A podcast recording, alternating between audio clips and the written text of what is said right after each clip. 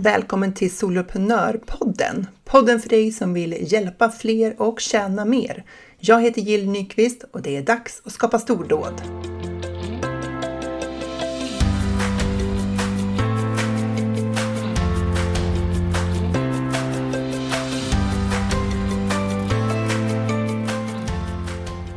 Det finns fem vanliga misstag som jag ser att många gör kring sina webbinar och eh, de tänkte jag dela med mig av idag så kanske du kan se om du gör någon av dem eller om du ska undvika dem framåt. Jag har varit och eh, vandrat på Gotland här för någon helg sedan och det, det var ju fantastiskt vackert på Gotland. Jag har bara varit där en gång tidigare och det, det var på min sons skolresa, när man säger medföljande förälder, så det var liksom inte riktigt samma upplägg på resan som nu när jag åkte med en kompis och vi kunde åka ut till Fårö och vandra där och se på raukarna och eh, åka runt på Gotland på olika klintar och se den här fantastiska vyerna, utsikten som finns där. Alltså vandringsresor, det är kanske mina favoritresor. Jag har bara åkt inom Sverige några höstar här nu och det är otroligt vackert. Alltså att upptäcka Sverige, det är ju oväntat trevligt för det finns så otroligt mycket fina ställen. Och någonting som slog mig också när jag var, nu, nu var på Gotland eh, så här på säga, inte säsong, inte högsäsong i september så blev det ju väldigt tydligt hur extremt mycket entreprenörer det måste finnas på Gotland. För att i varenda eh, så by eller ja, vad de kallas så fanns det mängder av kaféer, rumsuthyrning, cykeluthyrning, diverse, diverse, alltså eh, försäljningar, gårdsförsäljningar, gårdsbutiker och sådär. Alltså överallt! Helt fascinerande. Så Gotland måste verkligen vara eh, en, ha en hög samling av företagare. För jag kan inte tänka mig att det är några stora kedjor som driver de där små gårdsbutikerna eller de här kaféerna eller allt det där. Utan det måste ju vara personer som har sett en möjlighet. Och det säger också någonting om den otroliga mängd folk som måste besöka den där ön när det är högsäsong. Nu när vi var där då var ju typ allting stängt så att vi fick liksom passa på att gå in på de få butiker som ändå var öppna. Men inspirerande ändå att så många ser de här möjligheterna och eh, gör någonting av det. Så Gotland kan jag rekommendera. Du har säkert redan varit där. Jag är typ som vanligt sist på bollen. Men eh, om du gillar att vandra så är det också en fantastisk plats att vandra på. Till dagens ämne. Webbinar. Jag har ju haft eh, två delar när det handlar om strategier som fungerar för försäljning eh, tidigare nu. Och då tog jag ju upp det här med att sälja med webbinar. Eh, vilket kom, fick mig att tänka på några vanliga misstag som jag ser när jag eh, ser andra ordna webbinar eller bland de företagare som jag hjälper med webbinar. Så här liksom eh, sådana här vad heter det, fällor man kan gå i om man inte tänker på det. Så att jag tänkte att jag skulle dela med mig av dem till dig här idag. Eh, jag säger dem alla fem i ordning och sen kommer jag gå in på dem en och en då. Det första misstaget handlar om rubri rubriceringen av webbinariet. Det andra misstaget handlar om hur man bjuder in till webbinariet. Det tredje handlar om vilket innehåll man väljer i webbinariet. Det fjärde handlar om själva pitchen, presentationen av erbjudandet. Och det femte handlar om uppföljningen efter webbinariet. Så vi börjar med nummer ett då, som handlar om rubriken för webbinariet. Alltså det här ska man inte underskatta, vilken rubrik du väljer för ditt webbinar. För att det är rubriken som kommer avgöra om någon klickar in sig och är beredd att anmäla sig till ditt webbinar. Det är först och främst rubriken, för det är det första man ser. Och rubriken ska, vara, ska ge ett budskap som attraherar mottagaren. Det ska inte vara en överskrift alltså en beskrivning av liksom ämnet som du ska utbilda inom. Utan det ska vara någonting som är intressant, som är liksom hookande, Antingen så kan det handla om alltså vara problemorienterat, så som det här avsnittet, fem misstag många gör i sina webbinar. Ehm, eller så handlar det om en önskad lösning. Och om jag skulle tänka dig det här poddavsnittet, om det skulle vara ett webbinar, då skulle det kunna heta de fem hemligheterna för att göra ett lyckat webbinar. Eller fem eh, framgångsfaktorer för ett lyckat eh, webbinar. Nu kanske framgångsfaktorer var skittråkigt ord, men du förstår att man fokuserar på liksom vad är den önskade lösningen? Eller så fokuserar man på att lyfta upp problemet i själva beskrivningen av webbinariet. Och du kan ju jobba med två rubriker, en huvudrubrik och en underrubrik där underrubriken är lite längre och ger en lite mer beskrivande, ja, beskrivande text kring vad innehållet är på webbinariet. Så, men eh, tydlighet ändå viktigast. Alltså tydlighet trumfar fyndighet alla dagar i veckan. Så om du står och tvekar mellan två, välj den som är mest tydlig. Men det går att vara tydlig och ändå kundorienterad. Det vill säga du utgår från kundens behov kring det här. Sen är det ju viktigt att själva rubriken linjerar med det du sen ska sälja. Så att du inte väljer en rubrik som lockar. Ehm, och det kanske den gör. Du kanske får flera hundra anmälda till ditt webbinar. Men det har inte riktigt lockat rätt målgrupp. Det vill säga de du sen har tänkt att hjälpa i din betalda tjänst. Då träffar den ju fel såklart. Och det här kan låta självklart, men när vi sitter och funderar över liksom innehåll i webbinar, då är det lätt att vi kommer in i det här liksom känslan av att vi vill ge värde. Och du börjar fundera på vad kan ge mest värde för de som kommer. Och så låter du det styra innehållet i webbinariet och då kan det eh, missmatcha mot ditt erbjudande.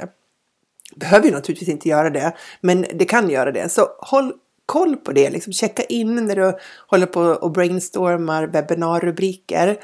Om de liksom verkligen är intressanta, löser de ett problem? Eh, är de problemorienterade eller är de lösningsorienterade? Linjerar de ditt erbjudande och är de tillräckligt tydliga? Så om du är där med din rubriksättning, då är, är du liksom på rätt spår. Nummer två. Eh, misstaget som många gör är att de bjuder in till webbinariet lite för försiktigt. Man känner sig eh, tjatig. Så, så att man liksom inte riktigt är så tydlig med att man har ett webbinar på gång som man skulle behöva. Bruset där ute i sociala medier och för all del också när du bjuder in på din e-postlista är ju stort. De som eh, finns med på din e-postlista, de får ju många mejl. Och de som finns i dina sociala kanaler, oavsett om det är Instagram, LinkedIn eller Facebook eller var du är någonstans, TikTok, så, får, så har ju, följer de många andra konton också. Så vår kommunikation eh, är sällan så tydlig att människor på riktigt uppfattar det som tjatigt. För man ser inte så mycket av varje persons enskilda kommunikation. Och är det så att du, alltså att någon gör det med dig, med ditt innehåll, då skulle jag säga att det är ett väldigt gott tecken på att du har liksom superfans, sådana som verkligen tar del av det du lägger ut och, och verkligen gillar det du gör så att de uppmärksammar det. Ofta så, eh, om vi inte har liksom jättestora följarskaror i våra kanaler, då behöver vi jobba på lite med inbjudan. Vi behöver upprepa många gånger i sociala medier med inlägg och vi behöver liksom bjuda in vår egen e-postlista liksom flera omgångar. Och har du möjlighet så är det ju också naturligtvis bra att annonsera för ditt webbinar så att du når utanför den skara av följare som du redan har i dina kanaler. Och eh, här är det ju lätt såklart att känna sig tjatig. Jag brukar ju rekommendera att man börjar som två och en halv, tre veckor innan organiskt att liksom prata om att man har ett webbinar i de kanaler man har. Eh, kanske har en podcast eller en Youtube-kanal eller ja, vad det nu är någonstans. Men då behöver du ju hitta olika vinklar in när du bjuder in till ditt webbinar. För det blir ju det kommer inte vara lika framgångsrikt om du har samma grafiska bild och samma budskap om och om igen i två och en halv vecka. Utan jag tycker själva inbjudans eh, arbetet är ett bra tillfälle att passa på att belysa dina kunders lite olika tankar om ditt ämne. För att om vi säger att du kommer på fem olika vinklar som alla har med ditt webbinar att göra så innebär ju det att liksom, vinkel A kanske träffar en målgrupp, vinkel B en annan, vinkel C träffar detsamma som vinkel A men inte B och så vidare. Så att du liksom attraherar en större bredd av människor i din målgrupp. Men de har fortfarande samma typ av utmaning, det vill säga det som ditt webbinar ger svar på. Det är bara det att man har liksom olika sätt att tänka på det där ämnet och därmed så kommer man liksom bli attraherad av olika budskap in till ditt webbinar. Så att när du funderar på det här, eh, jag ska se om jag kommer på något här i stunden. Eh, vi säger att vi har ett webbinar som handlar om hur du får din hund att eh, sluta göra utfall mot andra hundar. Så. De eh, tre hemligheterna till hur du får din hund att göra ut, sluta göra utfall mot andra hundar. Då kanske du pratar om eh, hunden, och, så här, hunden och din relation. Eh, hur viktig den är i ett inlägg som leder till webbinariet. Du kanske pratar om hundens stressreaktioner i ett annat. Du kanske pratar om hundens sätt att uppfatta eh, geografiska områden, alltså så fysiska platser som skiljer sig gentemot hur människor uppfattar dem i ett tredje inlägg. Men det här är liksom bara olika perspektiv in på samma webbinar som handlar om hur man får hunden att sluta göra utfall mot andra hundar. Eh, ett inlägg kanske kan vara att du möter upp eh, så här stressen man som hundägare känner när hunden eh, tokskäller mot andra hundar eller mot andra människor eller sådär. Allt det där är saker som är intressanta för en hundägare som har en hund som gör utfall. Fråga mig inte hur jag vet det. Jag behöver inte gå in på det. Men eh, det här gör ju att beroende på vilken hundägare som har problem med, med utfall mot andra hundar eller människor så kanske jag känner igen mig mest i att jag blir stressad eh, och tycker att det är pinsamt. Eller jag kanske känner igen mig mest i att eh, jag känner att det här urholkar vår relation, att jag blir arg och så vidare. Så att liksom, ta så många perspektiv du kan på samma fråga och använd det som underlag när du skriver din inbjudansekvens. Och det här kan ju använda sen både i eh, i en video i sociala medier eller i en text i sociala medier eller i ett nyhetsbrev där du bjuder in eller vart du nu finns. Och det här, när du tänker på det här sättet kring inbjudansekvensen, nu kallar jag det för sekvens fast det inte bara är mail då, eh, då, då blir du inte lika tjatig. För liksom varje, varje inlägg i sociala medier i sig självt blir lite så här mikrovärdeskapande. För du belyser någonting som dina, din målgrupp kommer att känna igen sig i. Och det gör att du kan känna dig värdeskapande även när du eh, marknadsför ditt webbinar. Och gör du så här, då, då kan du undvika då att falla i just den fallgropen kring att bjuda in för försiktigt så att din målgrupp inte ens knappt för, har förstått att du har ett webbinar på gång.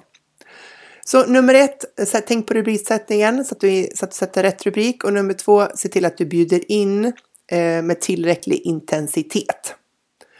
Nummer tre, misstag. Det är ju själva innehållet i webbinariet. Alltså vad ska du, vad ska det innehålla? vad ska du prata om i webbinariet?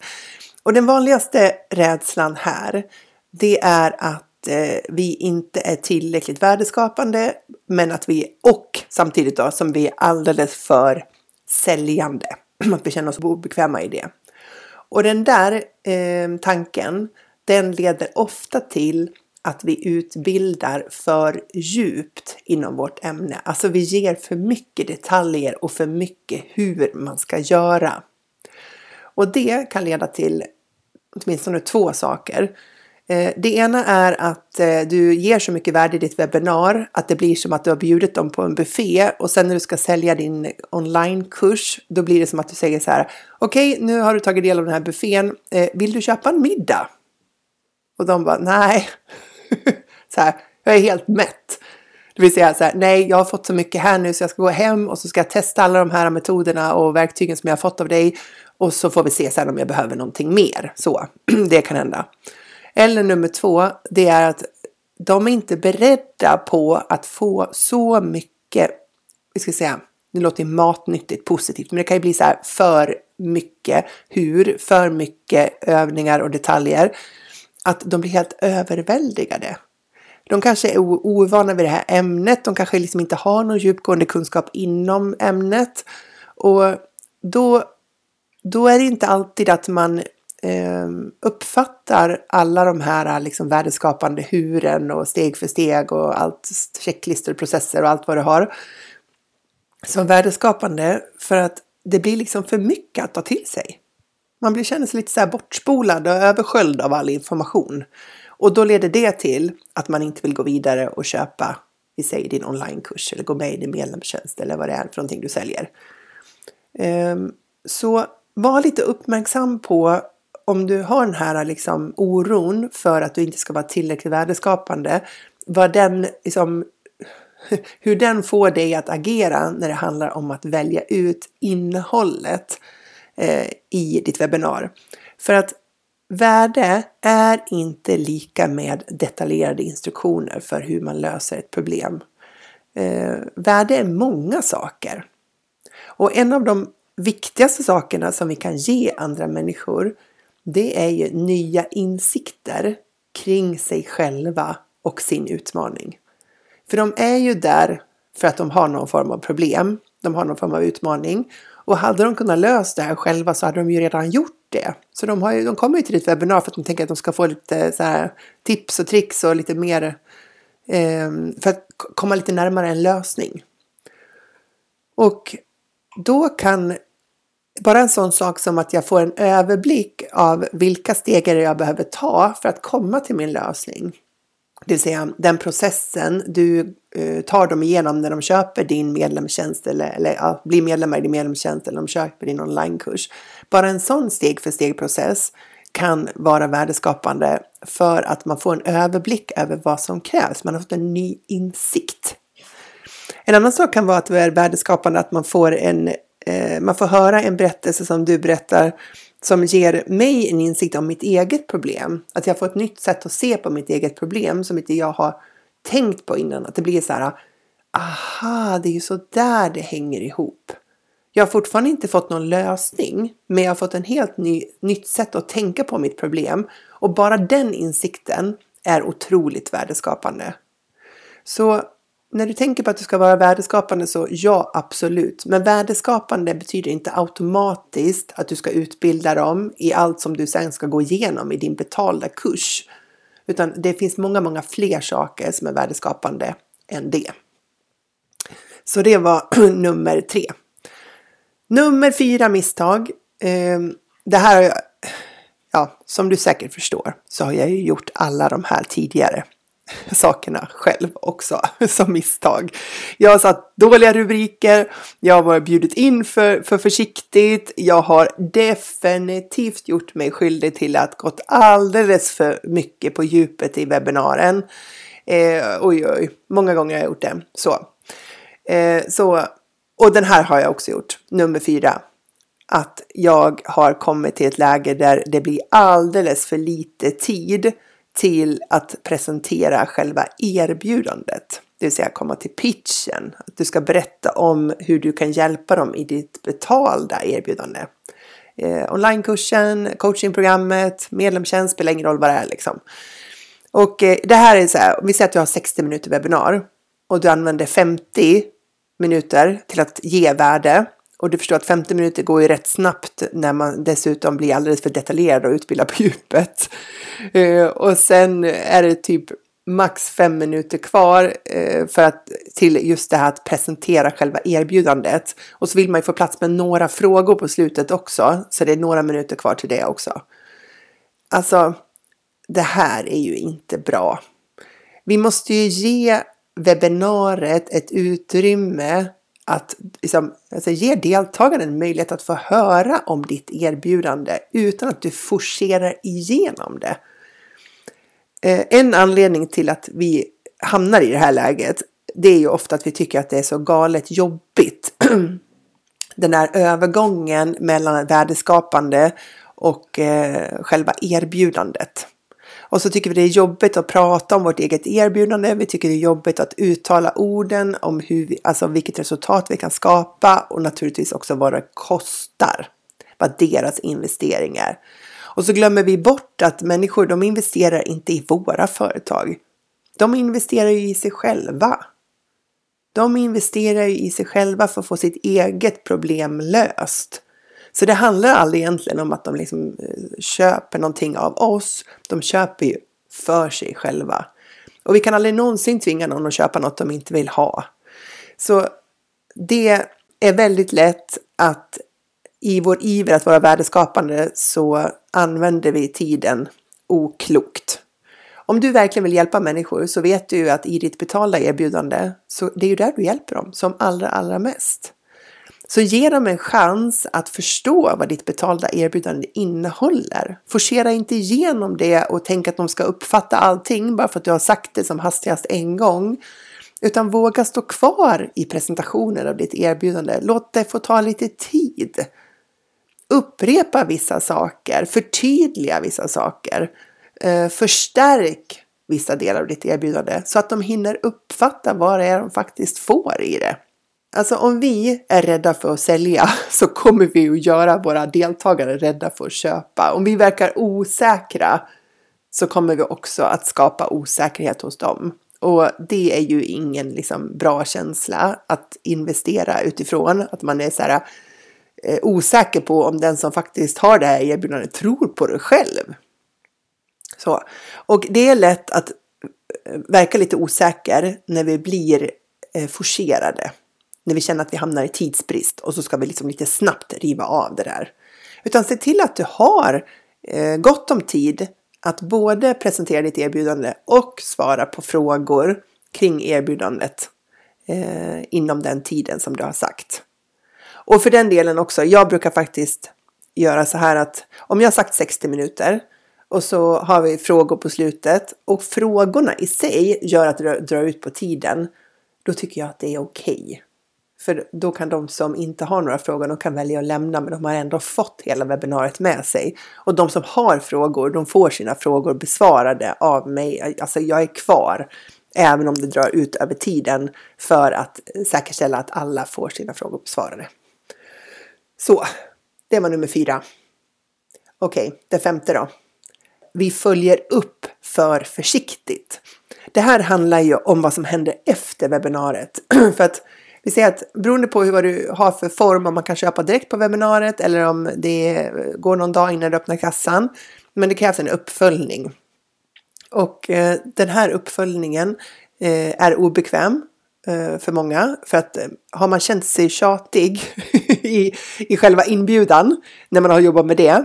Och sen har man liksom, vet, verkligen ansträngt sig när man har presenterat erbjudanden och tyckt att det har varit lite jobbigt. Eh, då blir det inte enklare sen med att komma med alla uppföljande säljmail som kommer efter webbinariet. Utan då kan man ju känna att det är liksom, ja, då har man liksom kroknat lite kanske på hela arbetet och tycker att man verkligen har varit ute och syns och tjatat och liksom stått, eh, stått ute i butiken, ute i skyltfönstret och liksom pratat för varan så länge. Att man blir lite matt när man kommer till den här viktiga sista delen.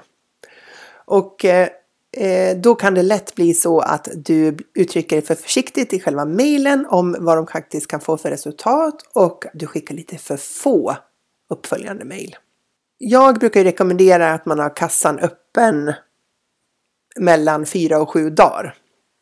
Ungefär. Sju dagar är lite långt tycker jag personligen. Fem är väl det som jag som längst sträcker mig till. Eh, men eh, någonstans där. Och då kommer du att behöva mejla varje dag. Och sista dagen så kommer du behöva mejla flera gånger.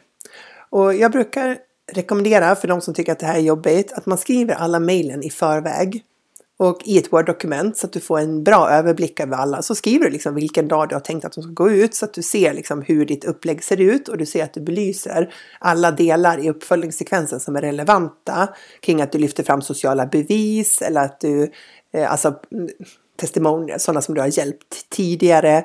Eller att du trycker på nyttan eller bemöter invändningar eller vad det är för någonting liksom, som du utformar de här mejlen. Och sen lägger du in dem i ditt mejlsystem och så schemalägger du dem för hela eh, perioden som du har kassan öppen. inklusive de sista. Och så eh, beroende på hur du har det i systemen och så, men jag brukar såklart undanta då, har man, vi säger att jag gör det här för soloprenörerna, då tar jag ju, undantar jag ju de som har eh, gått med i soloprenörerna, alltså blivit medlemmar. De behöver inte få samma säljsekvens som de som ännu inte har gått med. Så, så det känns alltid bra tycker jag att veta att eh, så, såvida de inte har dubbla e-postadresser hos mig så kommer de inte få en massa mail om eh, en tjänst de redan har gått med i. Sen är det ju vissa som anmält sig med två adresser och då kommer de ju kanske har gått med med den ena adressen men de får fortsätta mejl på den andra adressen och det är inte så mycket att göra åt då. Eh, men om man tycker att det är jobbigt att skicka de där mejlen, då är det en bra idé att schemalägga dem, för då har du liksom automatiserat det där. Då går de ut, även hur, oberoende av hur du känner dig just den dagen, så får du liksom jobbet gjort. För att vi behöver, alltså en, en utgångspunkt jag brukar ha, det är att så här, vi behöver hjälpa människor att fatta ett beslut. För att jag vet ju själv hur det är. Eh, kan man skjuta upp ett beslut som man är lite osäker på, då gör man gärna det. Det är liksom lite bekvämare att tänka att jag tar det där sen. Eh, och de gånger som jag inte fått ordentliga påminnelser om att jag måste faktiskt ta ett beslut, då kan det lätt liksom rinna ut i sanden. Fast jag kanske till och med var intresserad, det var bara att jag för, förmådde liksom inte sätta ner foten. Så det är ju bättre, tänker jag, att vi hjälper människor att komma fram till att nej, jag ska inte köpa den här kursen eller jag ska inte bli medlem eller vad det är för någonting eh, än att det bara rann ut i sanden. Och du kommer också få fler ja då såklart, att de som bestämmer sig för att jo, men jag vill investera i mig själv för att få den här förändringen. Så. Och det hjälper vi till med när vi har en bra uppföljningssekvens. Och genomgående genom alla de här fem eh, delarna, det är ju att det är en bra idé att använda samma typ av språk. Alltså samma typ av språk på landningssidan. Vi pratar om rubrik, det här liksom att det ska vara intressant och lockande. Eh, samma typ av språk när du bjuder in eh, till det här webbinariet. För att även om du som pratar om webbinariet utifrån olika perspektiv så kan du ha samma eh, Eh, man landar i samma meningar som handlar om värdet för webbinariet. Så att du beskriver värdet av webbinariet med samma typ av ord så att man känner igen sig i det där. Samma sak när du har ditt webbinar eller när du kör en uppföljning. Eh, att du har ett språk så att dina kunder eh, skapar en relation till ditt innehåll och tycker att det blir som en röd tråd som de uppskattar hela vägen igenom. Det var de, de fem vanliga misstagen Eh, jag vet inte om du känner igen dig i någon av dem. får du gärna skriva på Instagram. Ett DM till mig. Eh, eller om det är någon av de här som du faktiskt kanske gör extra bra. Som du alltid liksom sätter och gör på ett riktigt bra sätt. Så kort repetition då. Eh, misstag 1. Man sätter inte rätt rubrik. Det blir mer en överskrift och den attraherar inte och linjerar inte med erbjudandet. Två, man är för försiktig när man bjuder in, vilket innebär att liksom, en del av din målgrupp som kanske hade varit intresserad, de kanske inte ens förstod att du hade ett webbinar för att du har varit så försiktig. Tre, utbildar för detaljerat och för djupt. Din målgrupp är inte redo att ta emot så mycket information på ett webbinar och kan liksom inte riktigt omsätta det där, bli överväldigade. Alternativt känner att ja, bra, nu har jag mycket att jobba med, jag återkommer någon annan gång till dig och lite betalda erbjudande. Inte bra. Fyra, du ger själva presentationen av erbjudandet alldeles för lite tid i din iver att vara värdeskapande så att de liksom uppfattar det som väldigt forcerat och inte riktigt förstår vad det är man kan få hjälp med. Och nummer fem, du är försikt för försiktig i uppföljningssekvensen eftersom eh, alltså många av oss är ju det för att vi är rädda för att vara för säljiga och tjatiga. Så det var de Eh, hoppas att det här eh, hjälper dig framåt. Eh, och att eh, det här är någonting som du kan liksom så här checka av eh, att du hanterar nästa gång som du kör ett webbinar. Innan vi avslutar så vill jag bara eh, göra dig uppmärksam på att jag har ju en massa eh, fria resurser på min hemsida som du kan ladda ner. Det är många som gör det. Du går in på solopreneur.nu och så tar du eh, menyn fritt att ladda ner. För där ligger det en massa hjälpsamma resurser för dig eh, när du ska jobba online. Skapa din perfekta mix av tjänster eller checklista inför lansering av din medlemstjänst. Eh, eller ett quiz kanske för att ta reda på vad som är ditt nästa steg. Så kolla in det, solopreneur.nu och så under menyn fritt att ladda ner. Tusen tack för att du har lyssnat på det här avsnittet av Soloprenörpodden. Jag hoppas att de här fem misstagen, att eh, nu när du känner till dem, så kommer de inte att hindra dig från att skapa dina stordåd.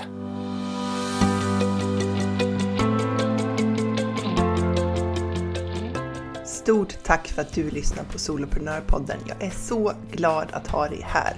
Du får jättegärna lämna mig en review på iTunes och ratea podden. Ge den fem stjärnor om du tycker att den är värd det, så hjälper du mig att sprida den till fler. Eller varför inte ta en skärmdump på det här avsnittet och tagga mig på en story på Instagram, solopreneur.nu.